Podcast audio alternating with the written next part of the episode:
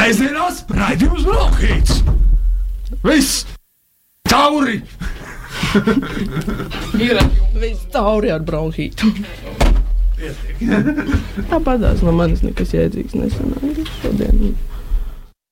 Neieslēdz mikrofonu. tagad, tagad jūs vajadzētu sev dzirdēt. Zum. Un, uh, jā, no šā. Bum. Uh, nu, es visu ļoti labi dzirdu. Es arī visu ļoti labi dzirdu. Mhm.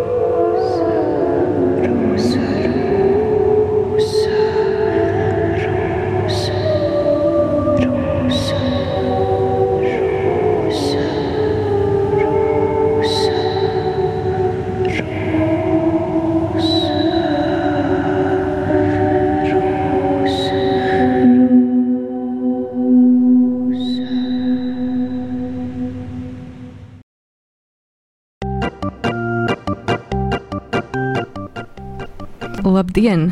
Šeit literatūras raidījums Bronhīts, ko var klausīties katru otro sestdienu, pulkstens trijos. Ar jums studijā šodien raidījuma vadītāja Lotte Vilma Vītiņa, un pie mums ciemos trīs viesi - Arno Titovs, Laura Bukovska un Katrīna Kalniņa. Čau! Jau. Čau! Droši var runāt skaļāk. Prieks jūs redzēt šajā studijā. Un, uh, tas iemesls, kāpēc man likās, ka tā būtu laba doma jūs šeit uzaicināt, nu, tur, man liekas, dažādi pārklājas tas visas lietas, bet viena lieta, ko mēs darām šajā raidījumā, ir, mēs runājamies ar cilvēkiem, jautājam viņiem par to, kā viņi jutās 20 gadu vecumā, jo bronhītam un radio nabai šogad paliek 20 gadi. Un man likās, ka būtu interesanti uzaicināt rakstošus jauniešus, kuri arī interesējas par literatūru un kuriem tas kaut ko nozīmē, un parunāties ar viņiem par to, kā tas ir tieši šajā brīdī no, no viņu skatu punkta. Un, jā, man ir prieks, ka jūs visi šeit esat, un es saprotu, ka jums visiem ir uh, 19 gadi šobrīd.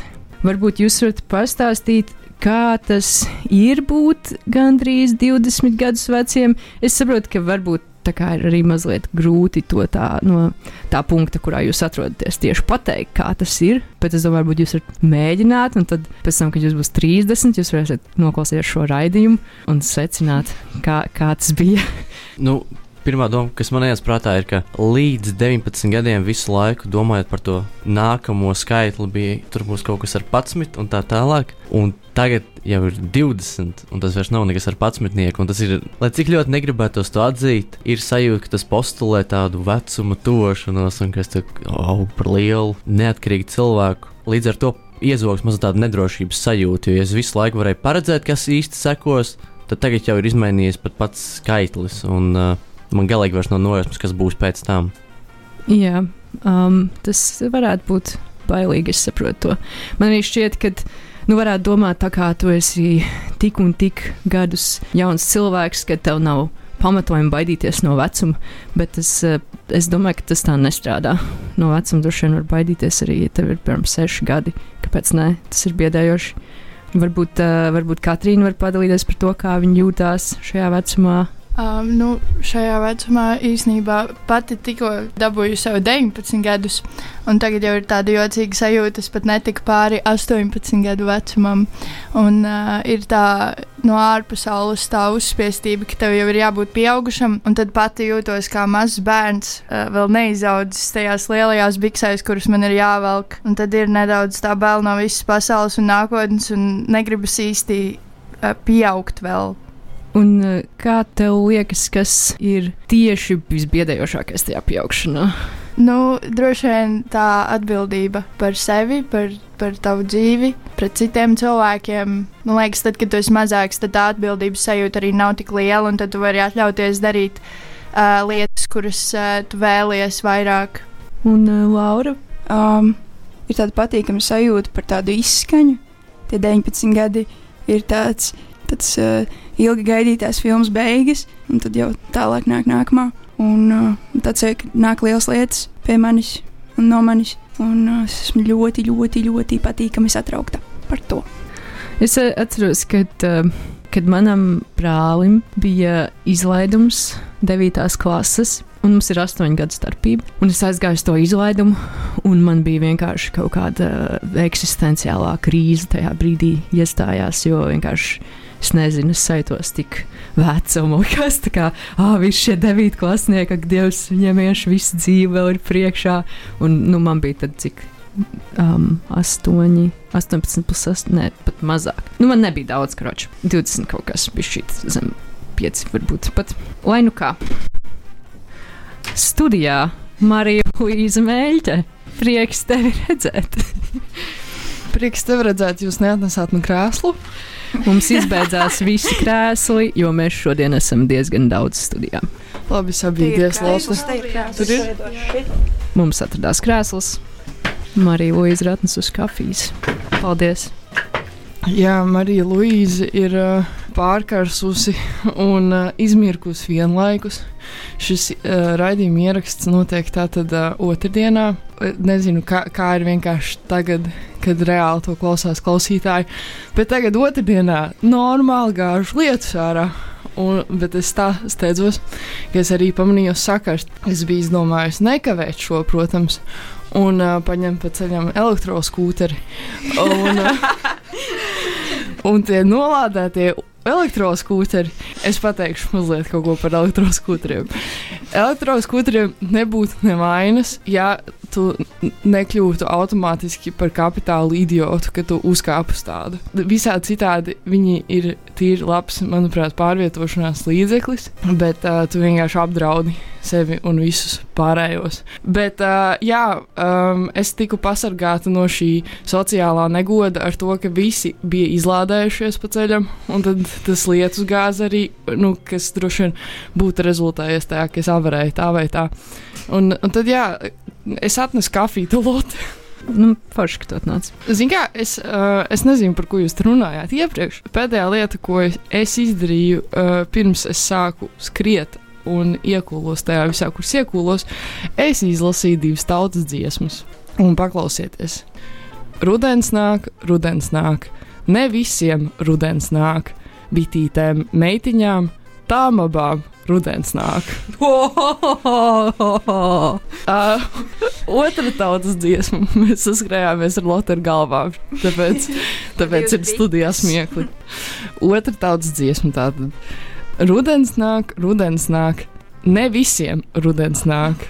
Rudens nāca meitiņām, rudens koka lapiņām, krīt lapiņas griezdamās, iet meitiņas raudādamas. Nu, šis, piemēram, ir ļoti labi sasaucās ar to, par ko mēs runājam pirms tam, un par to, kā var baidīties no vecuma. Šķiet, ka arī kaut kā visiem bija tajā laikā jau skaidrs, ka tas vecums visšausmīgākais ir sievietēm. Ja? Mm. Tad, tad tev liekas, ka tās meitiņas iet raudādamas, tāpēc, ka rudens ir kaut kāds viņu vecuma pienākšanas. Nu, jā, nu, rudens, acīm redzot, tad nenāk visiem vienādi, bet redz, kā tieši meitenēm, bitītēm pēc tam ir riktīgi jāraud. Nu. Bet varbūt mūsu viesi varētu arī parunāt par šo, kā, kā viņi saklausīja šo tautas dziesmu. Man liekas, ka abās tautas dziesmās kāds ir nomiris, tīpaši otrajā par to, ka ne visiem rudens pienāk. Un tad tiem, kuriem pienāk rudens, tie arī ir nelaimīgi. Līdz ar to viss ir slikti, man liekas. Tur. Es tur nedaudz saskatīju Egelu Levitu, kad runā Ziemassvētkiem par Covid. Viņš teica, ka visi nepieredzēs. tā, bija, tā bija pirmā domiņa. Laura, tev arī iedomājies par prezidentu. Uh, jā, un es cerēju, ka Katrīna to pateiks. Kā tā sagadījās? Mēs, man liekas, esam uz vienu viļņu. Mums arī viens ir mikrofons. Varbūt tāpēc mums tā kā prātā arī savienojas. Bet kā jums šķiet, ar, ar ko saistās tās skumjas, kas ir attēlotas šajās tautas dziesmās divās? Nu, tur varētu būt um, tā sajūta par aizejošām lietām, kas um, izkūp un pazūd laikā. Bitēm jāiet gulēt, viss pietiek strādāt. Vasara beigušies. Atvaļinājums. Atvaļinājums, Ziemas jā. atvaļinājums. Viņas tagad jāraud? Viņas tagad sastingas sasals uh, ziemas sagā, un viņām būs gals klāt, un tad rudens arī loģiski ir tas laiks, kad sākt bēdāties. Jo ziemā vairs nevarēs pabēdāties, tad jau viss būs cauri. Rudenī ir tā vieta emocijām vairāk. Ziemā nevarēs pabēdāties, jo viss būs jau cauri. Es, es kaut kā tomēr es, nes, es netieku vaļā no tās savas interpretācijas. Man reāli liekas, ka tas ir par, par to, kā sievietes novecojuma sabiedrībā ir tāds vienkārši pff, vecās sievietes. Mums jūs nevajag. Bet, nu jā, es nezinu, um, kaut kā tā sajūta man šeit ir varbūt neminot. Kādi varētu būt zemteksti šīm tautas dziesmām? Tā aina pati par sevi kā tāda, tāds gandrīz sadzīvisks novērojums varētu būt arī. D- Tas, es domāju, ka tur ir īstenībā kaut kāds zemteksts un, un ideja tam visam, bet tas varētu arī būt diezgan tāds moderns dzējolis. Uh, man šķiet, ie, iepriekšējā gadsimtā par Rīgu Čakas varētu kaut ko mierīgi arī tādu, man liekas, uzrakstīt. ka Krīt lapiņas griezdamās, iet meitiņas raudādams. Nu, jā, nezinu, vai čakas. Bet... Nē, nu, var, nē, nu kā es redzu, pilnīgi tā pilsēta, meitene, rudens, skumjas kaut kādas. Kaut sāksies smieklīgs. skola, tāpēc meitiņas raud.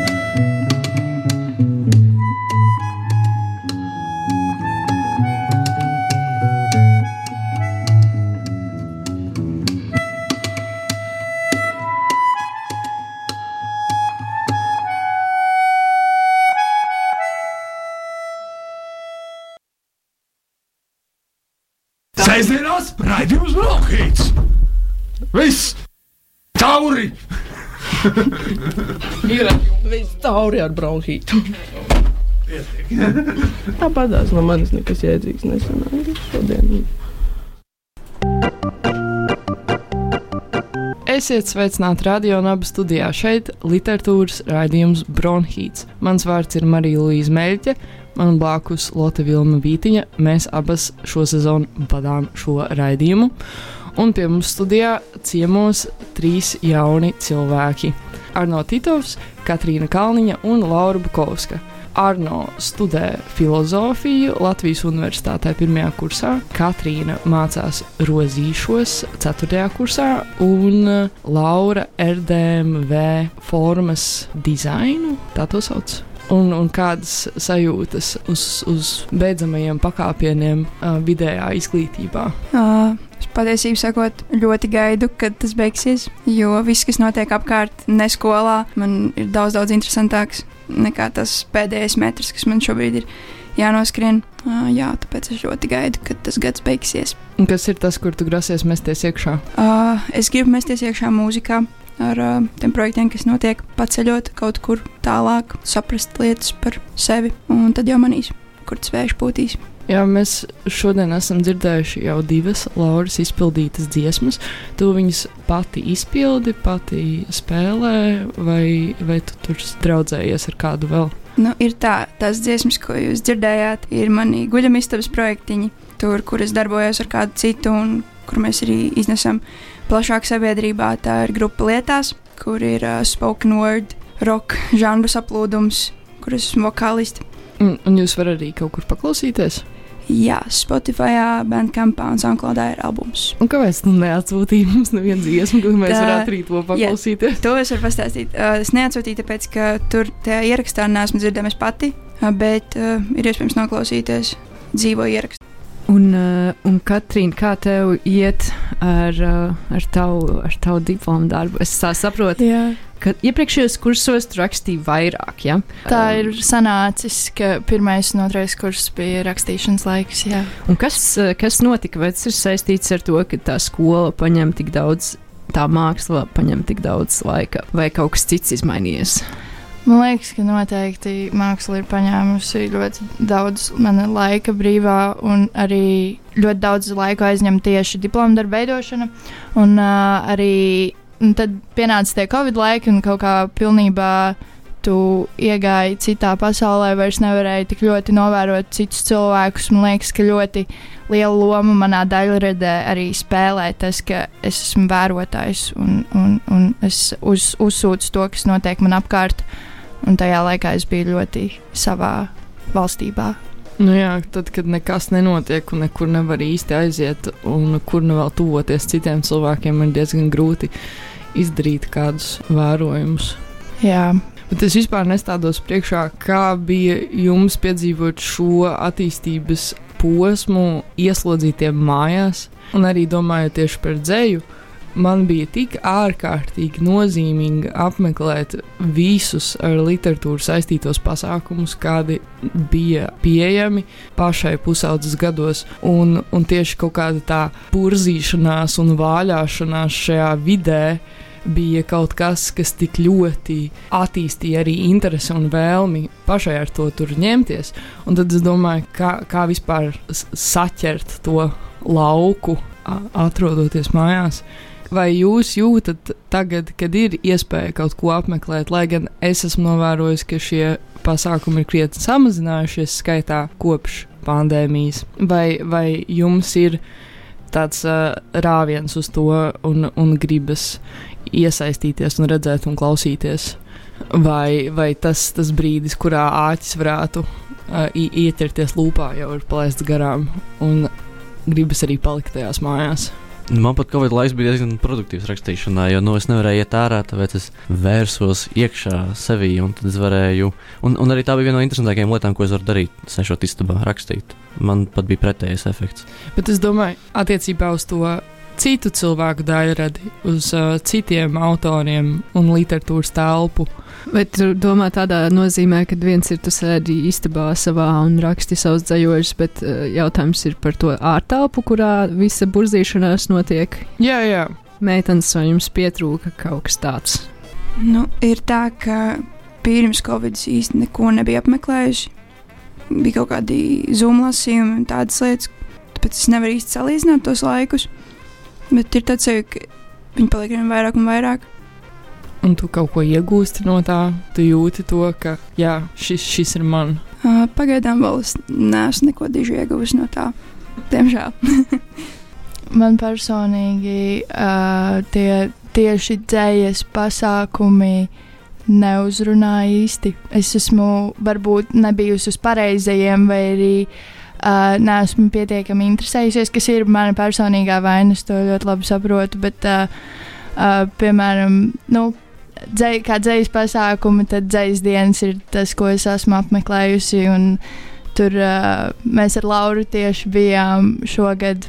Un, uh, mēs uh, nokavējām lielāko daļu, bet mēs par to neapzinājāmies. Mēs vienkārši sajaucām laikus. Un mums uh, tieši pēdējais bija izcils. Uh, izcils performance no, kā viņu sauca, Laura? Ramonas. No Ramonas. Uh, viņš bija parūkā un lupkrāsā un dejoja, un uh, viss bija brīnišķīgi. Man liekas, ka tieši tādus arī dzējas uh, pasākumus vēlētos apmeklēt vairāk, kur ir izkāpts no normām, kur nav uh, cilvēks, kas stāv un nolasa. Bet tur ir pievienota kaut kāda emocija, jo, man, jo es esmu ļoti vizuāls cilvēks. Un tad arī tā vizuālā daļa, manuprāt, ir ļoti svarīga. Vai tev liekas, ka arī tavos tekstos tā vizuālā daļa ir ļoti izteikta? Jā, es uh, vairāk arī būru tās ainas no saviem darbiem, un tur, var, tur ir vairāk tā sajūta par uh, ainavu. Un vai tie darbi, vai tādā nozīmē, ka no vizuāliem darbiem, no taviem pašas darbiem? Uh, man ne no manas pašas, bet man liekas, ka arī caur dzēju es radu uh, vizuālu tādu uzskatu materiālu. Um, un es domāju, varbūt arī, mēs varētu palūgt mūsu viesiem nolasīt kādus ceļojumus. Jā, un, diemžēl mēs esam ierobežoti šajā skaņas dimensijā, konservatīvajā, kurā nav iespējams uh, ne padējot, ne parūku uzvilkt. Nu, vai katrā ziņā to neviens nezinās, bet mēs varam dot iespēju šai pieticīgajai formai, kas ir balss. Tad es varu sākt ar kaut ko ainavisku. Manam Kaķim patīk vaļāties gultas drānās līdz nepieklājīgam laikam, tad aiziet notupties pie virtuves loga ar skatu uz pļavveidīgo nenopļauto dārzu, kas iesūcies rudajā un maigi trūdē. Laiks iet, klik, klak, Laiks neatgriezties vakardienā un domāt tik vienīgi par ko jaunu, laiks izvaļājies, iesit tev pa muguru, apveļas, iesēdina grumbas acu kaktiņos un kārpas vaigu maisiņos, piestāda rēķinus par vakardienu. Klik, klak! Manam kaķim patīk skraidīt, it kā centienos apskriet laiku, centienos to apmānīt, pieglaudu savus, tas padavīgi liecas, lai tikai neapskrien lai tikai ļauj tam pabūt vēl druscīt pie sakritušajām lapām. Laiks jau bija nepieklājīgs un bija jāceļas. Gribēju paskatīties pa logu, bet laiks ir atņēmis man rudeni, un priekšā bieza migla. Klik, klak, ieplūdu tajā un pazudu. Hmm. Nevaru izdomāt, kuru. Vai man varbūt par Latviju? Vai tev var būt par Latviju? Ko, ko tas nozīmē, ka tev ir dzīvojis par Latviju? Uh, es viņu uzrakstīju uh, 4. maijā. Mm, bija tā situācija ar mīļo Ukrainu, un tad uh, mēs vērsāmies uz iekšu uh, pasākumā un domājām par to, kas ir Latvija, un gribējām veltīt viņai kaut ko ļoti mīļu. Tas bija skolā? Jā.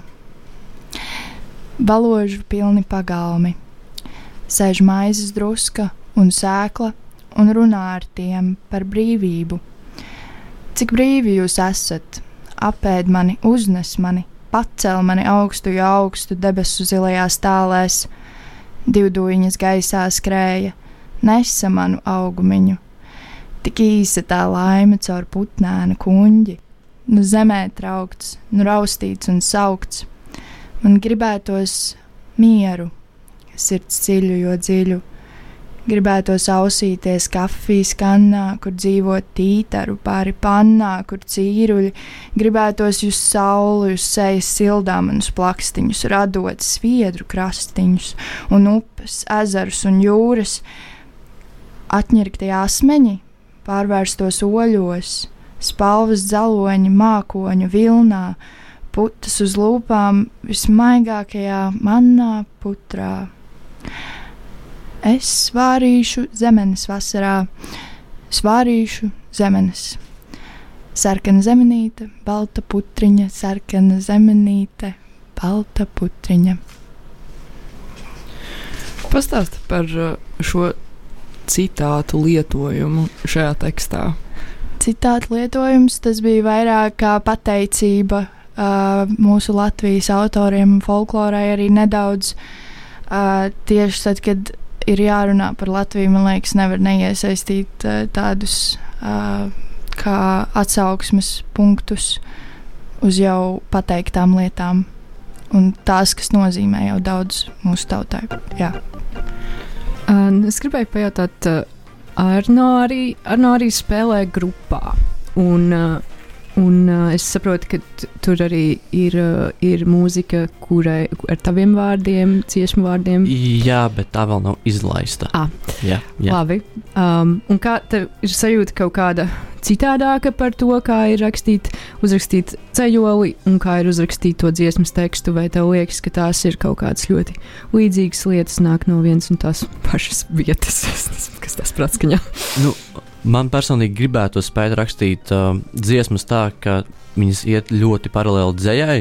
un Es, šād, es diezgan to novēroju folk mūzikā un arī blūzā, kur it kā tā dziesma ir kā sava veida dzējolis. Un tad mans mērķis būtu panākt to, jā, ka viņi novienādojas. Turpretī es zinu, ka daudzi cilvēki, kas raksta dziesmas, viņi negribētu to saukt par dzējoļiem. Līdz ar to nu, es tiecos viņus sapludināt šos abus žanrus kopā, bet noteikti ir atšķirības, kad rakstu dziesmu vai dzēju. Gan tehniskā ziņā, jo man vajag pavadījumu atbilstošu zilbēm, piemēram, gan arī ideju ziņā. Dažreiz ir grūti uztaisīt ļoti blīvu dziesmu, jo viņi galu galā neviens īsti neuztver. Sēžamās raidījums Brokhīts! Viss! Tauri! Ir viss tauri ar bronhītu. Tāpatās no manis nekas jēdzīgs nesanāca šodien. Sveicināti! Esam atpakaļ radio raidījumā Bronhīts studijā Lotte Vilmvītiņa un Marija Līza Meļķe. Un ar mums brīnišķīgi jauki jaunieši, kuriem ir tāda vai cita veida attiecības ar lasīšanu un rakstīšanu. Un nu pat izskanēja dziesma, par kuru viens no mūsu viesiem, Arno, varētu pastāstīt, ko mēs dzirdējām. Nu, es spēlēju violi grupā Grēcīgie partizāni, un šī dziesma bija par anarhiju, ja mēs tā abstrakti to raksturojam, un es domāju, to arī var sadzirdēt pašā dziesmā. Es nerakstīju dziesmai vārdus, bet es neuzdrošināšos viņu padziļināti interpretēt, man liekas, dziesma strādā kā tīri labs vēstījums visiem klausītājiem. Klau, tu studēji filozofiju. Man, man pašai ir ar filozofiju ļoti nosacīta vispār kādas attiecības. Es esmu tā koķetējoši kaut ko tur drusciņi pamācījusies pa brīdim, bet, uh, bet tā ir tik pamatīga lieta, ka es neuzdrīkstos apgalvot, ka es kaut ko tur saprotu. Bet es esmu piedzīvojusi skaistus mirkļus, kuros no absolūti neustveramas informācijas šķietami tas teksts, sarežģītais un blīvais, pārtop tiešām saprotamā idejā. Un, un tad pēc tam tu skaties, kā citi cilvēki ir domājuši par šo domu un izdomājuši vēl kaut ko pilnīgi citu, arī no tā paša teksta. Un, un tā pamazām var tikai vilkt nost un atklāt vēl un vēl iespējamības tam, ko, ko var iesākt ar šiem vārdiem. Un man šķiet, ka dzējā ir kaut kas līdzīgs, tikai panākts ar kaut kādiem, nu, pa, pavisam citiem rīkiem, kas arī var būt tā, vai ne, kad tu izlasi dzējoli un mēdz gadīties, kad nesaproti, kas tur ir īsti rakstīts. Un tad, tad jā, viss, viss tālākais. Es nezinu, tu piedzīvo kaut ko arī tādu, vai tu skaties pavisam citādi. Tev filozofija nav teksts, bet, bet kas cits. Nu, filozofija ir teksts, bet uh, ar filozofiju un šo sarežģīto procesu līdz domas nonākšanai ir divi ceļi. Dažreiz ir tā, ka autors ir tiešām centies pēc iespējas skaidrāk uzrakstīt, un tajā laikā un vietā vēl nav pietiekami daudz ideju vai vārdu, ar ko to varētu izteikt, un tad sanāk sarežģīts teksts. Bet mēs būtu arī tā, ka autors vienkārši nemāķi rakstīt, un viņš uzrakstīs diezgan nesaprotami. un Tāpēc viņš arī ir filozofs, kurš raksta akadēmisks raksts, nevis, piemēram, dzinieks vai prozaicis. Dzējā es nevaru novērot atšķirību, vai dzējols ir vienkārši ļoti nu, pēdiņās dziļš un abstrakts. Vai arī autors man cenšas kaut kā apmānīt, liekot sarežģītus vārdus un sarežģītas tēzes iekšā, ko es gan dažreiz nojaušu, ka varbūt tāds tas mērķis. Ir tīpaši konceptuāli iedzēja, piemēram. Bet vai tu pats esi mēģinājis uh, citus apmānīt šādā veidā, dzējoļos? Nu, nereti jā, tāpēc uh, labprāt arī negribu izskaidrot dažus no tiem dzējoļiem. Šķiet interesanti tā doma par to, ka filozofs ir filozofs, jo viņš neprot rakstīt dzēju. Um, Tā es gluži neteiktu. Nu, nu, an- piemēram, agrīnie an- antīkie filozofi un pirmsakrā tieši tādā garā, ko, par ko es tagad mācos, da, dažas, uh, pat diezgan daudzas šīs filozofijas tika izpaustas dzējā un arī prozā. Viņi tieši nerakstīja neko tā akadēmiski skaidri. Es drīzāk teiktu, ka daži filozofi vēsturē mēdz rakstīt neskaidri, jo viņi ir labi domātāji, bet ne labi rakstītāji. Tādā ziņā es to biju domājis. Vai domāšana arī nav tā kā teksts vienlaicīgi, nu, tā kā vai doma nav kaut kādā ziņā līdzīga tekstam, jo mēs jau domājam tekstuāli arī bieži vien. Ir, bet tad rodas jautājums, kas ar to domu not, nu, notiek, kad tu viņu mēģini izpaust. Tur sākas deformācijas uzreiz. jā, kā to nodot citiem, un kā to tie citi varētu paņemt. Um, varbūt arī nav varētu mums nolasīt kādu no saviem tekstiem. Jā. Tad jau, kad jau, ktak, ktak, ktak, zābaks labais, tad zābaks kreisais iet veikalā pēc polša. Cilindrisks, ķeizarisks, imperialistisks un mazliet matemātisks. Švik, švik, švik, varas vaļā, spīguļojošs, tajā šķelts gaismas stars, peldās atstarojošs, tās smārds, asaras saries acīs, kā Šveices dzelzceļa sistēma. Vlik, vlik, vlik, saros savu mēteli, zem mēls izjūtu šķautnes un sausliežu šķitumu, tad šķidruma slīdējumu. Rudens siltumu. Es metu skatu uz sētu, pret kuras man atgulties. Blākšs. Paldies! Mm, Bija prieks šo dzējoli dzirdēt jau otru reizi. Mēs satikāmies um, arī dienu pirms šī ieraksta, lai uh, mazliet iepazītos. Un Katrīna, tev bija dzējols par rozā zeķubiksēm, es atceros. Jā. Vai tu arī ļautu man to dzirdēt vēlreiz? Labi. Un es apsolu, ka es šodien satikšu tevi sapnī. Mēs tiksimies pusceļā pie tramvaja, un tu būsi uzvilkusi rozā zeķu bikses, par kurām runāja aizvakar. Tu tik ļoti tās mīli, tu izklāstīji to stāstu, un beigās, kad tās ieplīst tavos ceļgalos, tu raudāji. Tavas asaras bija kā pērles, un es paliku bez mēlis. Tavas rozā zeķibiks gulēja tev naktī blakus, un es runājos ar blaktīm pie tavām kājām par nākamās dienas plāniem. Tavas rozā zeķibiks sēdēja pie galda un tramdīja manu bļodiņu, lai tā kāpjot nost un nejot pie cita galda virināt savus stāstus. Tavas rozā zeķibikses bija ievilkušas visu gaisu, lai neviens cits nevarētu palpot tev blakus. Tavas rozā zeķibikses. Un tās ir tavas, tāpēc man iekšniknuma, ka es tomēr neesmu tavs. Roka ķēra asmeņus un tās tavas rozā zeķibikses. Un es apsolu, ka es šodien satikšu tevi sapnī, un varbūt šoreiz man pietiks dušas, lai pateiktu piedod. Un varbūt Arno vēl kāds dzīvos. Mhm. Nolasīs, lūdzu. Mhm. varbūt. Es gribēju pateikt Arno komplimentu par skaņu vliku. Un arī mm, būtu interesanti zināt, kas izdod to skaņu vliku. Es kādu at, mm, off the air atklāšu. Ne, bet, nu, uh, Es saprotu dziniekiem savu noslēpumu. es centos attēlot pēc iespējas praktiskākas skaņas, ko var dzirdēt ikdienā no lietām, tieši lietām, objektiem. Un, nu, es neiešu dziļi skaidrojumos, bet uh, man patīk skaņas. Ļoti interesanti. Tā bija pudele, kas vērs vaļā. Varētu būt arī tā. Pšt, Skatoties, kas tur iekšā.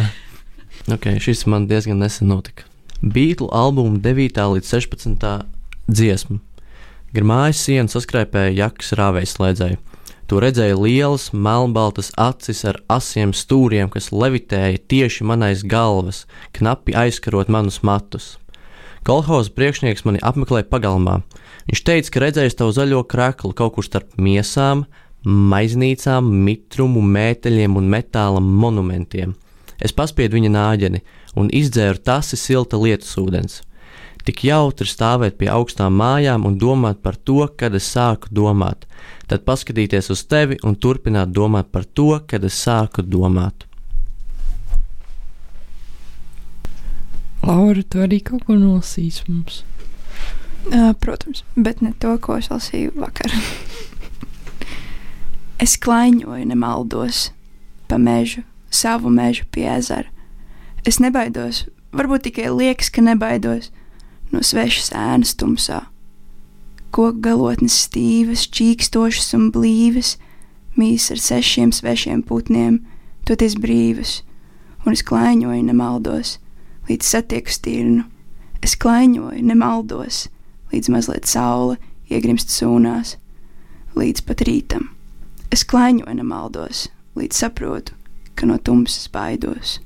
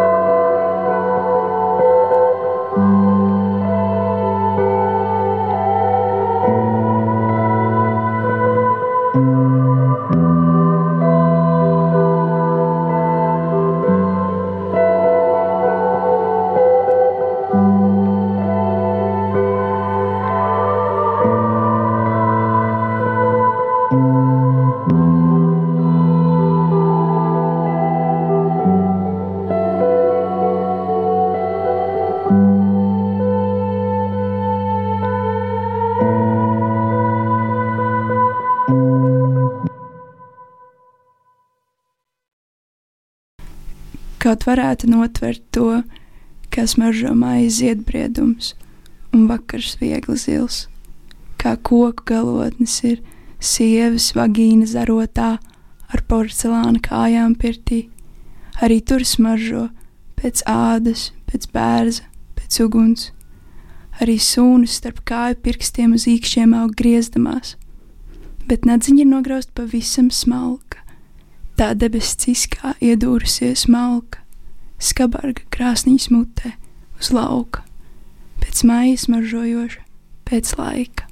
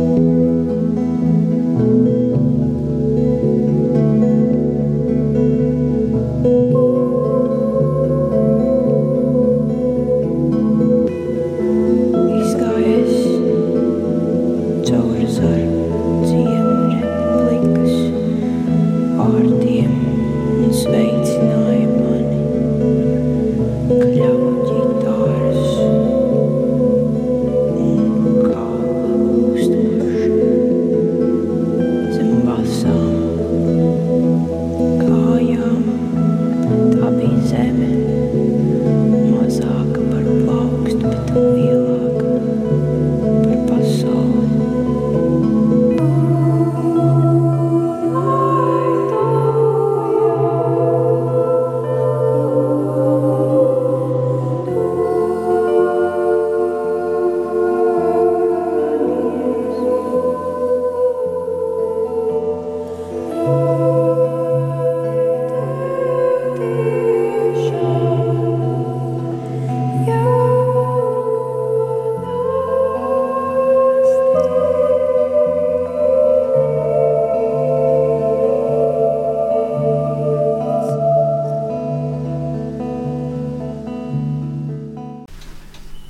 Bija Laura Bukovska.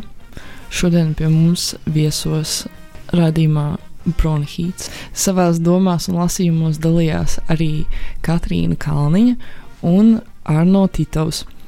Uh, trīs jaunieši no dažādām skolām, visi 19 gadu vecumā, Bronhīta 20 gadu jubilejas sezonā.